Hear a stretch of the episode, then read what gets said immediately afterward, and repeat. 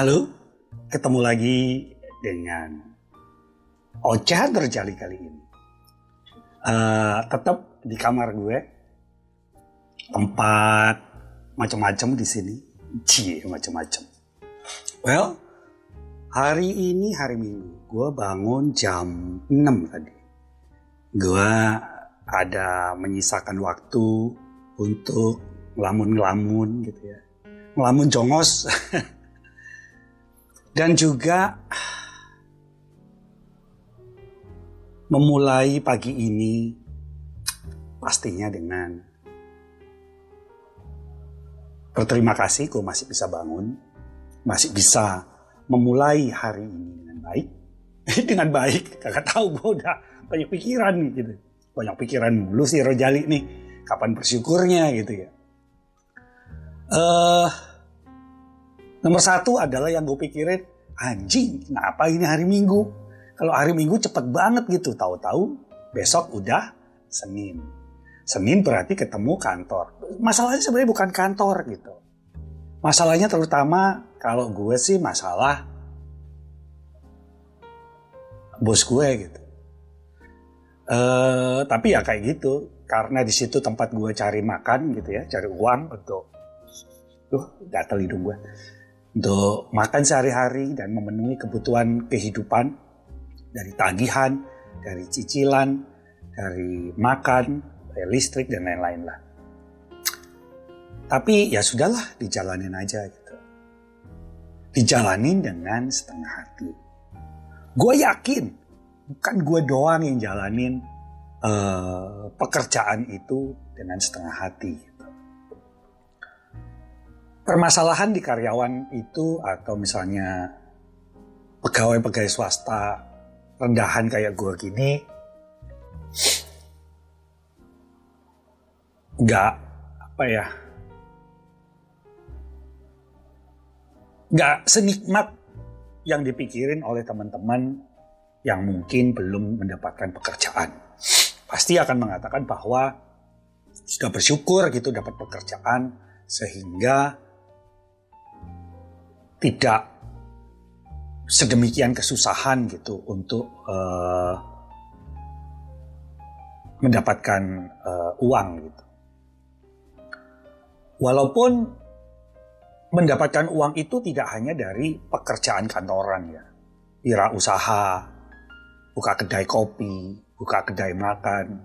Wah sekarang kedai makan yang banyak di mana-mana saingan berat, ya saingan berat. Tapi sebelum saingan, pasti semua akan berpikir tentang modal.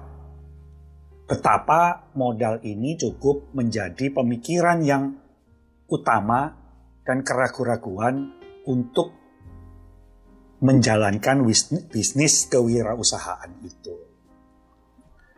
Masa mau pinjam pinjol gitu kan. Kemarin rame ya masalah uh, penggerbekan pinjol. Itu satu hal yang dapat diapresiasi. Yang menarik di sini adalah Jokowi sebagai seorang presiden aware gitu, paham gitu tentang hal-hal yang terjadi di masyarakat. Ketika dia uh, memberikan satu perintah yang tegas dan terbukti bahwa ternyata struktur yang ada dalam lingkungan kewenangannya pun dapat bergerak dengan lumayan cepat daripada sebelumnya.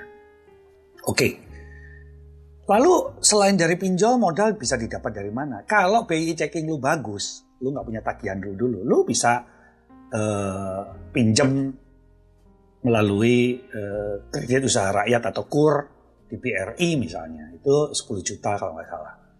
Bapak gua punya kios kelontong kecil, jual gas, jual aqua, dia juga harus membayar sewa tempat untuk jualan, itu juga pinjam dari BRI. Nah, setelah kita mendapatkan, berarti untuk wirausaha berarti kan harus melewati beberapa tahapan-tahapan terlebih dahulu ya. Atau buka toko online kayak gue gitu. Uh, walaupun nggak banyak gitu, tapi itu sedikit banyak memberikan harapan bahwa itu bisa berkembang minimal dalam enam bulan atau satu tahun ke depan. Nggak secepat sekarang buka dalam satu bulan atau dua bulan atau tiga bulan langsung ramai, langsung uh, memberikan satu keuntungan yang diandalkan. Enggak, enggak, enggak seperti itu. Harus melewati satu proses. Nikmati dulu prosesnya kata orang. Walaupun prosesnya enggak, enggak nyaman juga gitu.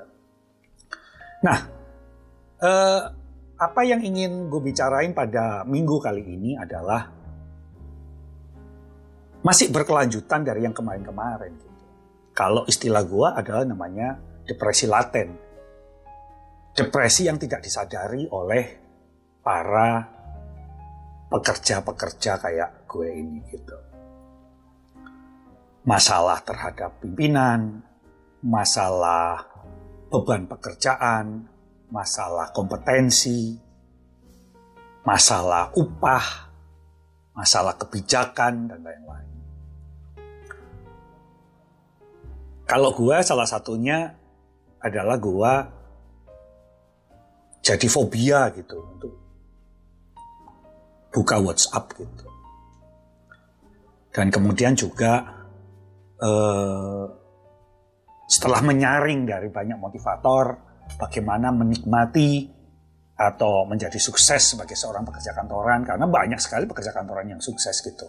Ada yang dia dia tetap bekerja kantor tapi dia juga punya rumah makan, dia punya uh, bisnis sampingan lain gitu itu bersyukurlah untuk itu. Gue belum bisa seperti itu. Gue masih terjebak untuk menyalahkan sebuah situasi di mana gue bekerja uh, dari jam 7 pagi sampai jam 7 malam.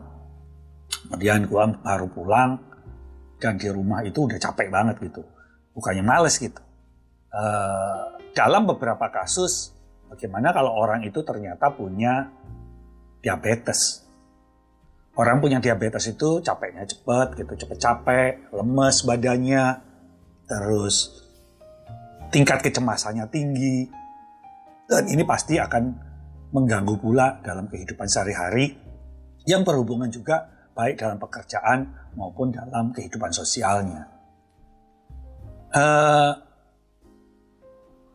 ya, gue nggak begitu banyak berbicara masalah bagaimana seorang pekerja yang menghadapi diabetes mungkin di sesi yang uh, akan berbeda nantinya. Oke, okay. gue ingin berbicara tentang depresi laten yang yang tidak disadari gitu. Ini kadang-kadang bukan permasalahan dari sifat orang. Kalau misalnya kemudian ada perselingkuhan, ada korupsi, ada hal-hal yang menyimpang dari tatanan yang normal. Di sebuah institusi gue baca yang lagi rame bahkan ada pemerkosaan gitu.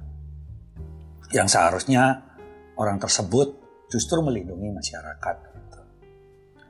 Mungkin bukan hanya masalah sifat dari orang itu.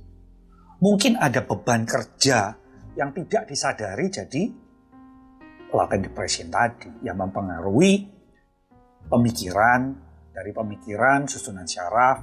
Dari susunan syaraf mudah-mudahan gak ke suara hati gitu ya kira-kira ya. Nah itulah kira-kira. Kemudian betapa banyak dulu ya kalau sekarang mungkin either dianggap normal atau dianggap meninggal tahu gitu. Perselingkuhan terhadap teman sejawat dengan teman sejawat gitu. Mungkin hal-hal ini terjadi juga karena latent depression itu tadi. Eh, bahaya latent depresi yang tidak disadari tadi. Kemudian menjadikan kinerja seseorang atau kinerja karyawan itu tidak seperti yang diharapkan atau tidak sesuai dengan kompetensi yang diharapkan. Banyak hal yang bisa terjadi dengan hal itu gitu. Oleh sebab itu tekanan pekerjaan, tekanan kehidupan, dan tekanan mental itu sendiri, gue pikir lebih harus disadari, dipahami oleh teman-teman, apalagi teman-teman yang bekerja ya, orang kantoran gitu, karyawan gitu, baik swasta maupun pegawai negeri mungkin gitu ya. Dulu kalau zaman gue SMA, di zaman dulu banget ya, ada namanya guru BP. Guru BP ini biasanya psikolog ya. Yang kalau misalnya anak didiknya ada siswanya mendapatkan masalah dia bisa bercerita gitu. Kalau sekarang bergibah gitu. nggak selalu bergibah sih. Tapi setidaknya hal itu menjadi uh, tempat untuk menyalurkan unek-unek tadi. Kita harus menyadari bahwa dalam bekerja, dalam kehidupan sehari-hari, mental kita itu harus sehat. Jangan kayak gue. Gue yakin bahwa gue mental gue nggak sehat. Salah satunya adalah gue ketakutan kalau setiap hari minggu. Setiap hari minggu itu perut gue sakit lah, gue pusing lah, macam-macam lah. Kemudian ketakutan sama bunyi telepon atau WhatsApp itu nyata itu sangat amat menakutkan dan contoh kemarin hari Minggu eh hari Sabtu ya hari Sabtu sore gue ke kantor karena ada karyawan yang hari terakhir di sana karena dia mengundurkan diri untuk uh, serah terima tugas ya. Tadinya gue berpikir habis dari kantor sebentar terus gue pengen jalan-jalan gitu. Gue pengen lihat uh, post box ya. Kayaknya keren tuh. Tapi sampai di kantor tiba-tiba perut gue itu sakit saya minta ampun. Asam lambung gue itu kayaknya luar biasa menyakitkan gitu yang gue pikir pasti ini karena ada terpicu dari oh ini kantor jadi udah mulai berkembang nih tadinya dari WA saja gue udah Eh, nggak uh, nyaman atau ketakutan, sekarang lihat bentuk bangunan dari kantor itu sendiri memberikan dampak yang terasa dalam kesehatan gue. Tadi kesehatan mental, terus fisik. Ya gimana lagi ya, kalau misalnya jiwa menjerit, badan pasti meronta. Nah, itulah yang pengen gue sampaikan bahwa sekarang hari Minggu gue udah deg-degan, udah merasa nggak nyaman karena hari Minggu cepet banget berlalu dan besok udah hari Senin. Semoga teman-teman yang lain besok bisa menghadapi hari Senin itu dengan uh, penuh rasa syukur. Mudah-mudahan teman-teman nggak kayak gua. Mudah-mudahan teman-teman punya waktu untuk berpikir, punya waktu untuk menenangkan dan mendamaikan diri sendiri dan terhadap lingkungan sekitar. Oh iya, Eh, sebelum berakhir di sesi ini di Jepang gue baca ya Microsoft Jepang itu sudah menetapkan empat hari kerja dan terbukti lebih efektif, lebih produktif.